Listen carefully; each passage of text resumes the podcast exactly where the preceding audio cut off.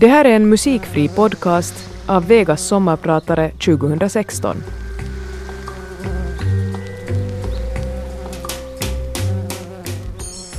Har äran och glädjen att vara dagens sommarpratare.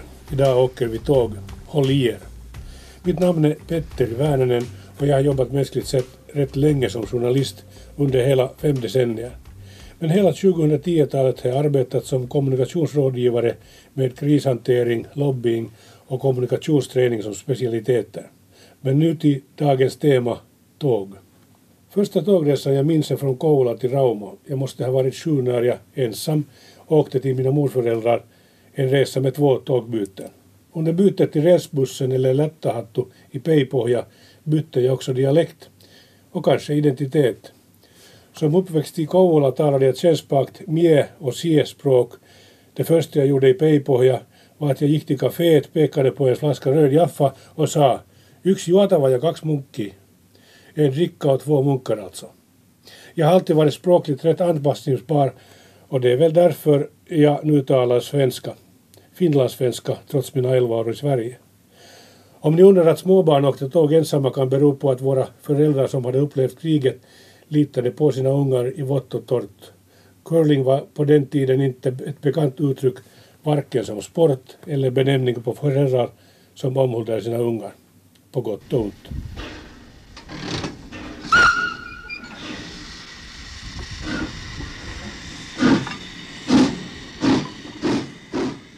Jag växte upp med dessa ljud, rangerlok, små koleldade lokbarn som spred stenkolsröklukt över min uppväxtstad Kouvola. Riihimäki, Kuopio, Lahti, Tammerfors. Ja, det är många städer som kommer ihåg ljudet och doften. Doften trängde sig in i hemmen och påminde om tågtrafiken i våra klassrum. Det har blivit många tågresor under dessa år och en del rätt konstiga. Ni kommer att följa mig under denna knappa timme på några besynnerliga resor både i Finland och utomlands. Den andra resan börjar i Kouvola, den också. Det är rätt naturligt eftersom jag växte upp i staden och lämnade den så fort det gick springande direkt från studentskrivningarnas sista prövning, svenska tentamen, mot stationen där jag hoppade på ett redan rullande tåg som förde mig till Åbo och därifrån till Sverige, till studier och ett yrke. Men nu tillbaka några år och igen en resa till Rauma. Under gymnasietiden fördrev jag största delen av dygnet på stallet och på ryggen på min dragon som jag hoppade hinder med. Jag var på väg att sommarjobba ett par månader i England och morfar Emil hade lovat gammal hästkar som han var att ta hand om hästen under min resa. Problemet var att ta hästen till andra sidan Finland. Inte hade jag körkort och inte hade vi någon transporttrailer heller. Ringde till Statsjärnvägarnas fraktkontor och där fanns svaret och nästan gratis.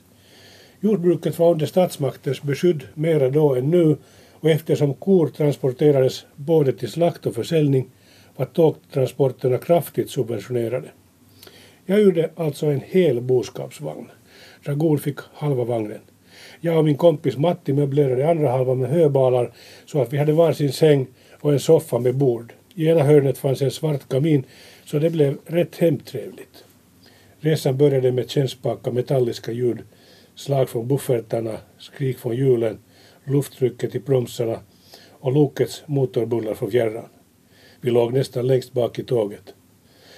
Och resan till Rauma skulle ta tre dagar. Er sommarpratare heter idag Petteri Väänänen och jag tar er med på några tågresor. Jag är alltså någon slags radiokonduktör. Matkaliput biljetterna, kitos, tack. Det var en vacker och varm försommar. Boskapsvagnarna har gliddörrar på varsin sida som vi lät vara öppna under resan som gick rätt sakta. Vi hade blivit informerade att resan skulle ta några dagar. Riktigt hur länge visste vi inte i början, men vi hade ingen nöd. Förresten hade vi reserverat ett tjugotal hinkar vatten där vi också förvarade våra dryckesflaskor. Dragon åt hö eller tittade på landskapet med huvudet i dörröppningen. Tåget stannade ofta. Under andra stoppet kom en av lokförarna, assistenten, och informerade att vi skulle vänta på ett passerande tåg i minst fyra timmar och att det fanns en fin, fin sandstrand bara hundra meter bort bakom björkdungen. Dit gick vi, Matti och jag, med våra filter och transistorradio, simmade och solade. Hästen fick vi dock inte med för vagnen var rätt hög. Och resan i boskapsvagnen fortsatte. I kontraktet stod att förutom boskap, foder och lite lösa varor kunde en skötare följa med. För ytterligare människor skulle priset vara detsamma som för tusen kilo gods. Och det harmade vännen Matti, han som betraktades som gods, även om det var fråga om hela tusen kilo. I Riihimäki stannade vi också länge över natten. Vi handlade mat, stekte biffar på kaminen och gick på lokal för att dansa, även om vi var något minderåriga. Efter många vändor av och an på rangerbanan i Riihimäki hamnade vi i rätt tågsätt som tog oss till Tammerfors för nästa längre paus i resandet. Vi turistade staden och fick använda järnvägsarbetarnas bastu. Järnvägsgubbarna hade massor av intressanta storyn och skrönor. De flesta tål inte att upprepas här i radion. Till slut, på morgonnatten efter tre dygn var vi i Rauma. Våra möbler var så gott som uppätna. Morfar hämtade grejorna, plasthinkarna och filtarna med sin bil. Matti hoppade på en vespa och jag skulle rida först genom stan till morföräldrarnas hus för att därifrån fortsätta till sommarstället i Hanhinen. Jag red på en huvudväg och möttes av arbetare som cyklade till pappersfabriken, hundratals av dem. Och alla var lika förbryllade eller rent av förstummade. Efteråt fick jag höra att jag var den första ryttaren i Rauma centrum sedan inbördeskriget 1918. Undra på. Nästa tågresa går till Moskva. Det var efter den hårda tidens fall, tidigt 90-tal alltså. Alltså tider då vi finländare började omvärdera våra havanden och göranden under Sovjeteran. Så även jag. Jag var på väg att filma en dokumentär om en märklig konstnär som hade målat porträtt på säkert ett dussintal finländska celebriteter, bland annat Marimekko-grundaren Armi Ratia, Johannes Virolainen och naturligtvis president Kekkonen, vars porträtt hade en märklig detalj, en klarröd liten fågel som symboliserade, ja, någonting. Målaren hette Ilja Glazunov. Han bodde på Arbat i Moskva och dit var jag på väg med nattåget. Resten av teamet tog flyget. Hela filmprojektet började med att jag besökte en auktion som tullen ordnade. Det handlade om tiotals Glazunov-tavlor. Tavlorna var alltså beslagtaget smuggelgods. Jag råkade där stöta på en elev av Glazunov som hade flyttat till Tjärvo som porträttmålare. Vi gick igenom alla de otagliga Glazunov-verken och nästan alla var förfalskningar, ja, förutom de två som eleven drog fram. Finska staten sålde alltså ryska förfalskade tavlor, en tidsbild eller rent av en metafor. Det var andra gången för mig på det här tåget. Mörka, träinredda vagnar, inredningen imiterade mahogny, röd blysch. En resa också i tiden med andra ord. Tåget gled på något sätt majestätiskt genom de så bekanta landskapen i sydöstra Finland. Det stannade inte i min gamla skolstad Kouvola och det var väl lika bra det. Läste lite medhavt material och tänkte äta rätt sent. Efter gränsformaliteterna blev jag sugen på en öl mindes baren från första resan under Sovjettiden med den stilige äldre herren bakom bardisken i fin mörk kostym som kallas väl livré. Men nu var tiden annan. Bartjänstemannen var en yngre, korpulent man med en solkig T-tröja med finsk reklamtext och lösa Adidas-värrare, träningsbyxor som skrek efter tvättmaskinen. Vi var ensamma i baren och när jag kom närmare lyfte han upp två burkar Lapinkulta, visade den första och sade Firmans öl, sju marka. Och sedan lyfte han den andra burken och flinade och sa mitt öl, fem marka. Jag kunde inte hejda mig att kommentera kapitalism. Vi kom till Viborg och tänkte ta en titt på stan men bara på perrongen. Det var inte mycket tid.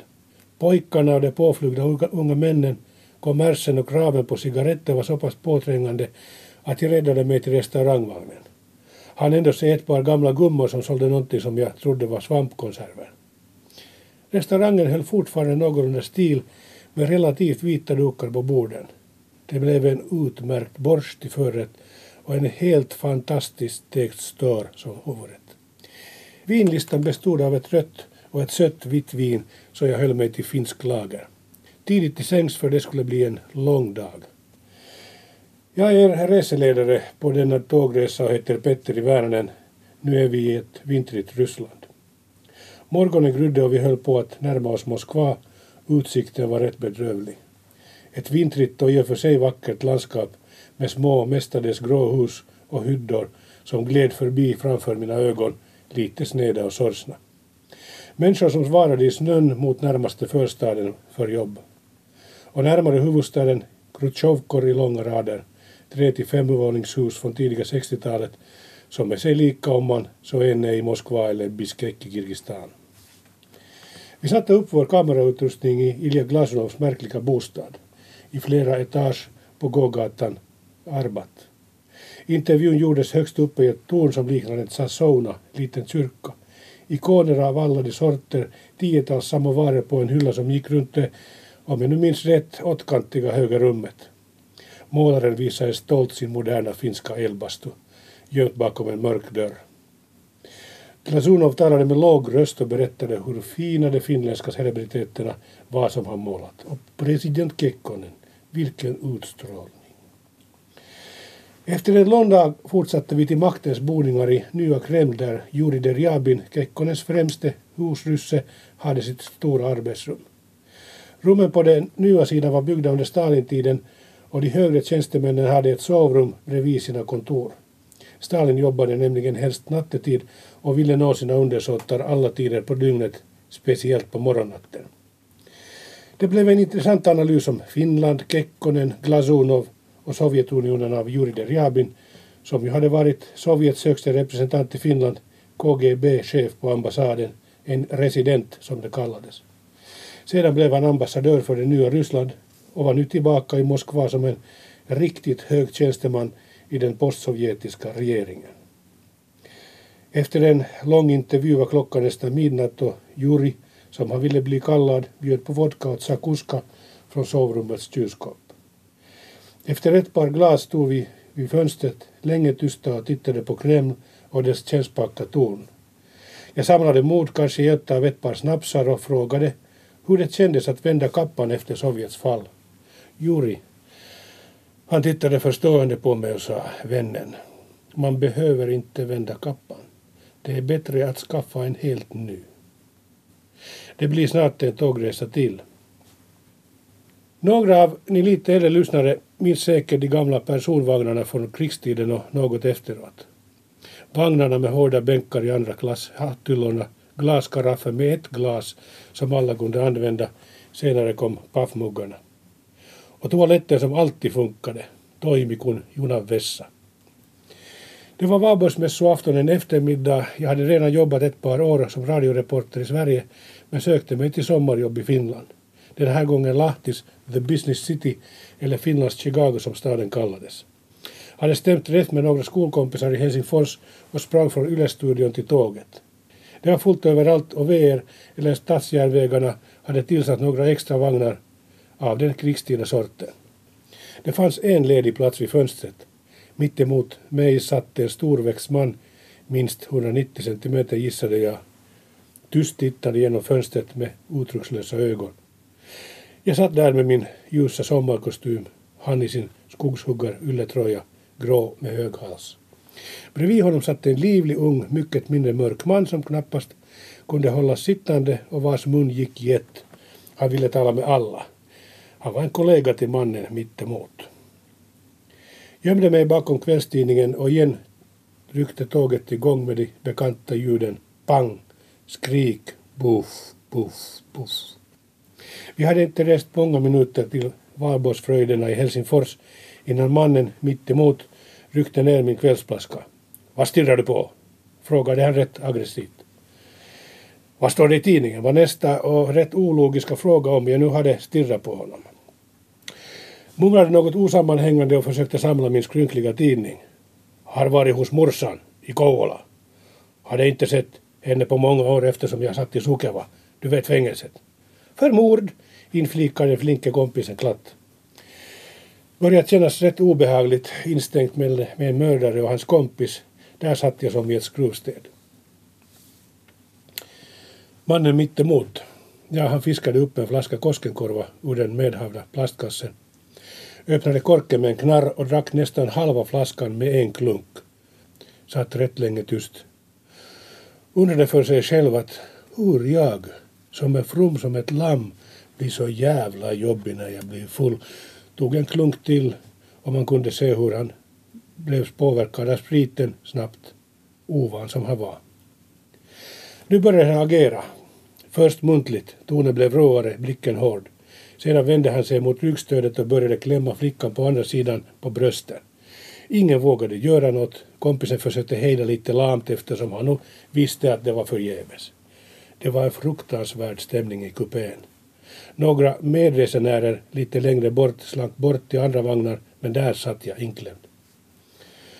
Du verkar vara en hyfsad jappe, sa mannen mittemot till mig. Men kompisen Pekka, han mötte mig på stationen. Han är snabb med kniven och har stuckit i flera jag har umgåtts med man som kvinna. Ord och inga visor.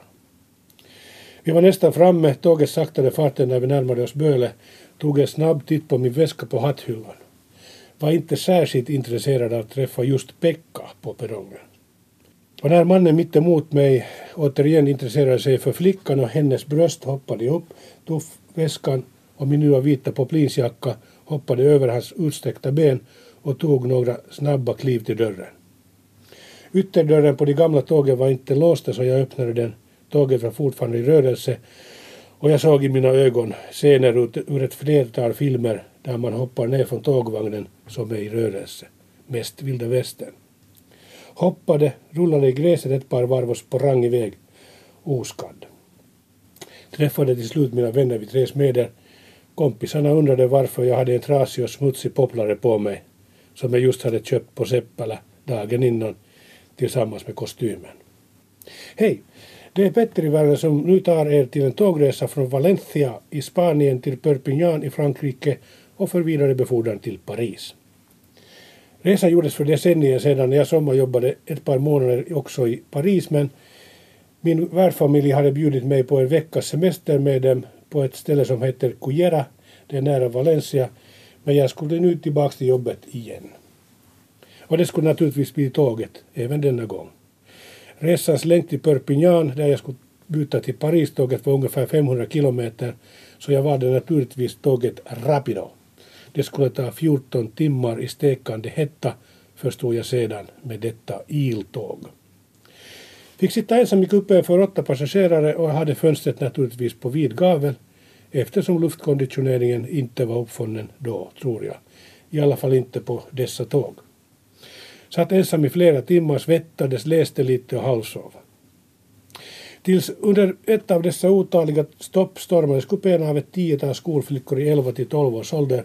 De skrattade och stojade, var ofantligt nyfikna på mig, ville få min adress och jag var fiffig nog att ge adressen till min kompis Matti, ni minns väl från boskapsvagnen. Det var nog livligt roligt men också påfrestande. Plötsligt, lika oväntat som de hade stormat min kupé, var de försvunna. Tåget hade stannat och var redan på väg att öka fart. Flickorna hade samlats utanför mitt öppna fönster, hälsade mig glatt och plötsligt insåg jag att de bar på nästan allt jag hade haft i väskan reseprovianten, de billiga spanska Celta-cigaretterna, två limpor, vattenflaskorna, souvenirer. Och som de skrattade, lyckliga, glada och solbrända. Och tåget fortsatte till nästa station som var Barcelona. En fin underjordisk station. När tåget började klättra uppåt mot solen såg jag att rälsen var kantad med ruckel gjorda av korrugerad plåt. På en av hyddorna stod en kanske femårig mörkbrun pojke i knallröda badbyxor, blänkande vita tänder och en gul plasthink i handen i solgasset. Vinkade till honom glatt med biljetten som jag hade färdig i ena handen. Han vinkade tillbaks, tog ett fast tag i enbaret och svusch! Jag var genomblöt. Luktade snabbt på min arm och konstaterade lättad att det var bara vatten. Just då kom konduktören in men stängde gliddörren omedelbart när han såg min dyplöta skepnad med en slokande biljett i handen. Men resan, den var inte över än. Jag skulle byta tåg i Perpignan. Ombord på det franska nattåget till Perpignan, det var en couchette, sovvagn för sex personer oavsett kön. Denna gränslöshet kändes lite exotisk.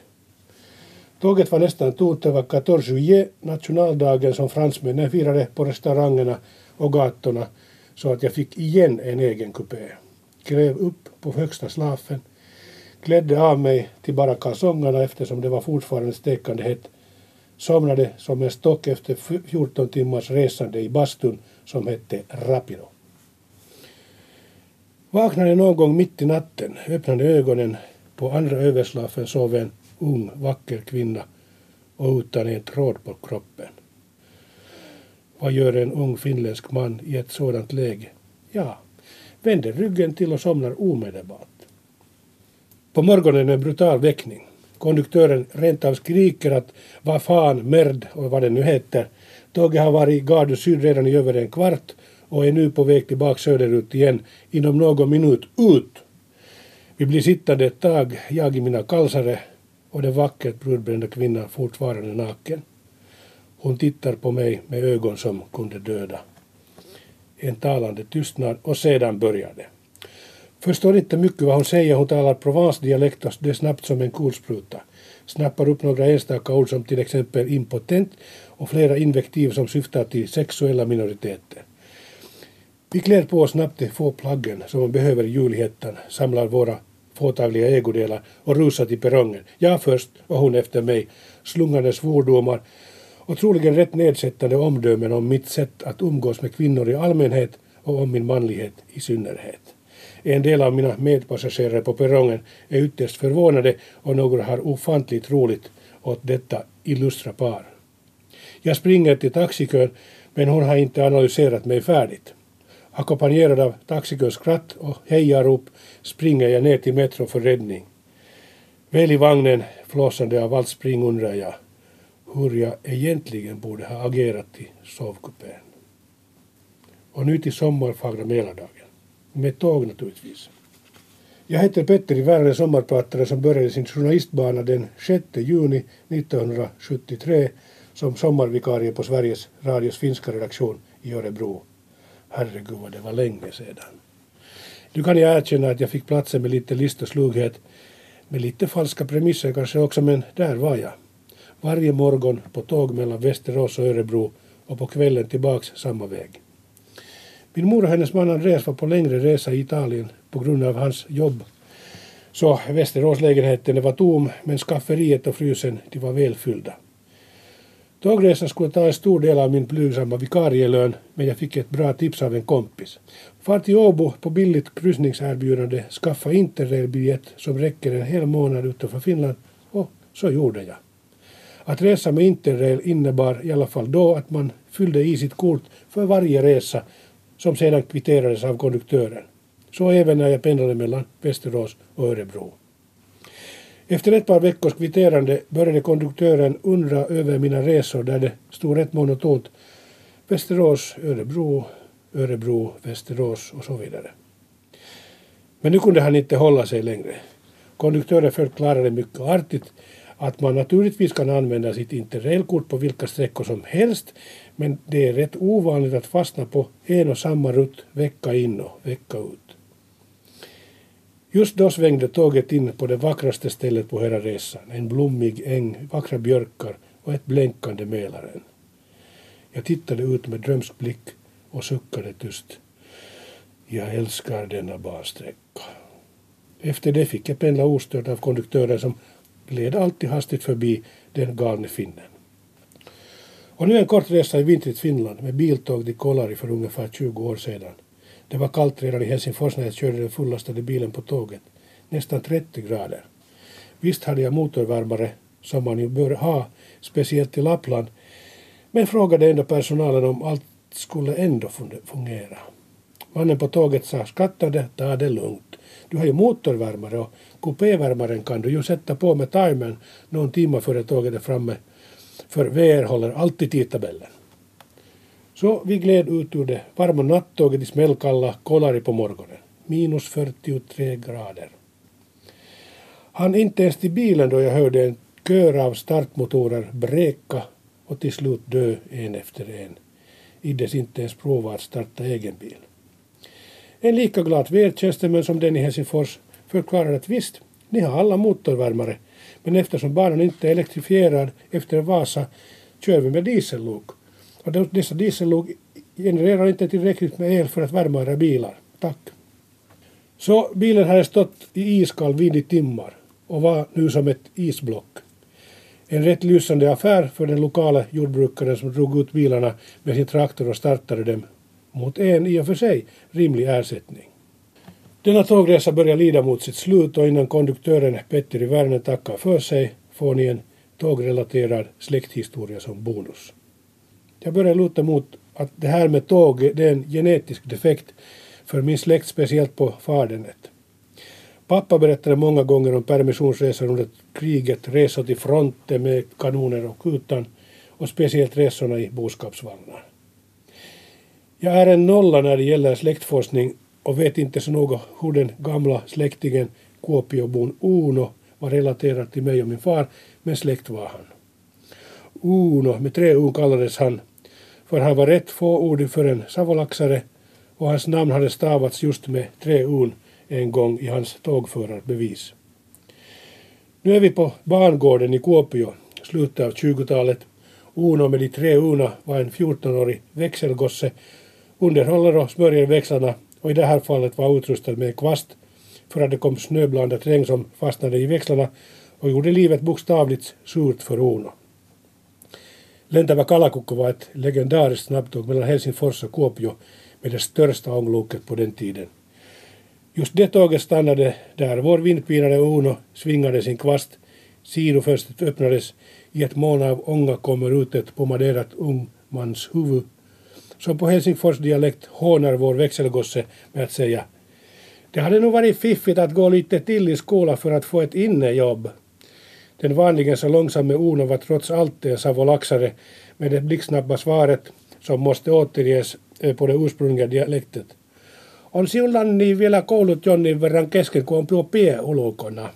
Alltså, nu borde du också ha studerat lite till för att huvudet sticker ännu ut. Med denna släktskröna tackar er alla för att hållit mig sällskap på denna tågresa. Som långvarig men ex har jag ett och annat att säga om den lokala tågtrafikens framtid både här och Österbotten. Men får ty mig till insändarspalterna när det gäller järnvägspolitik. Tack Josper Knutas för fina tips om tågmusik.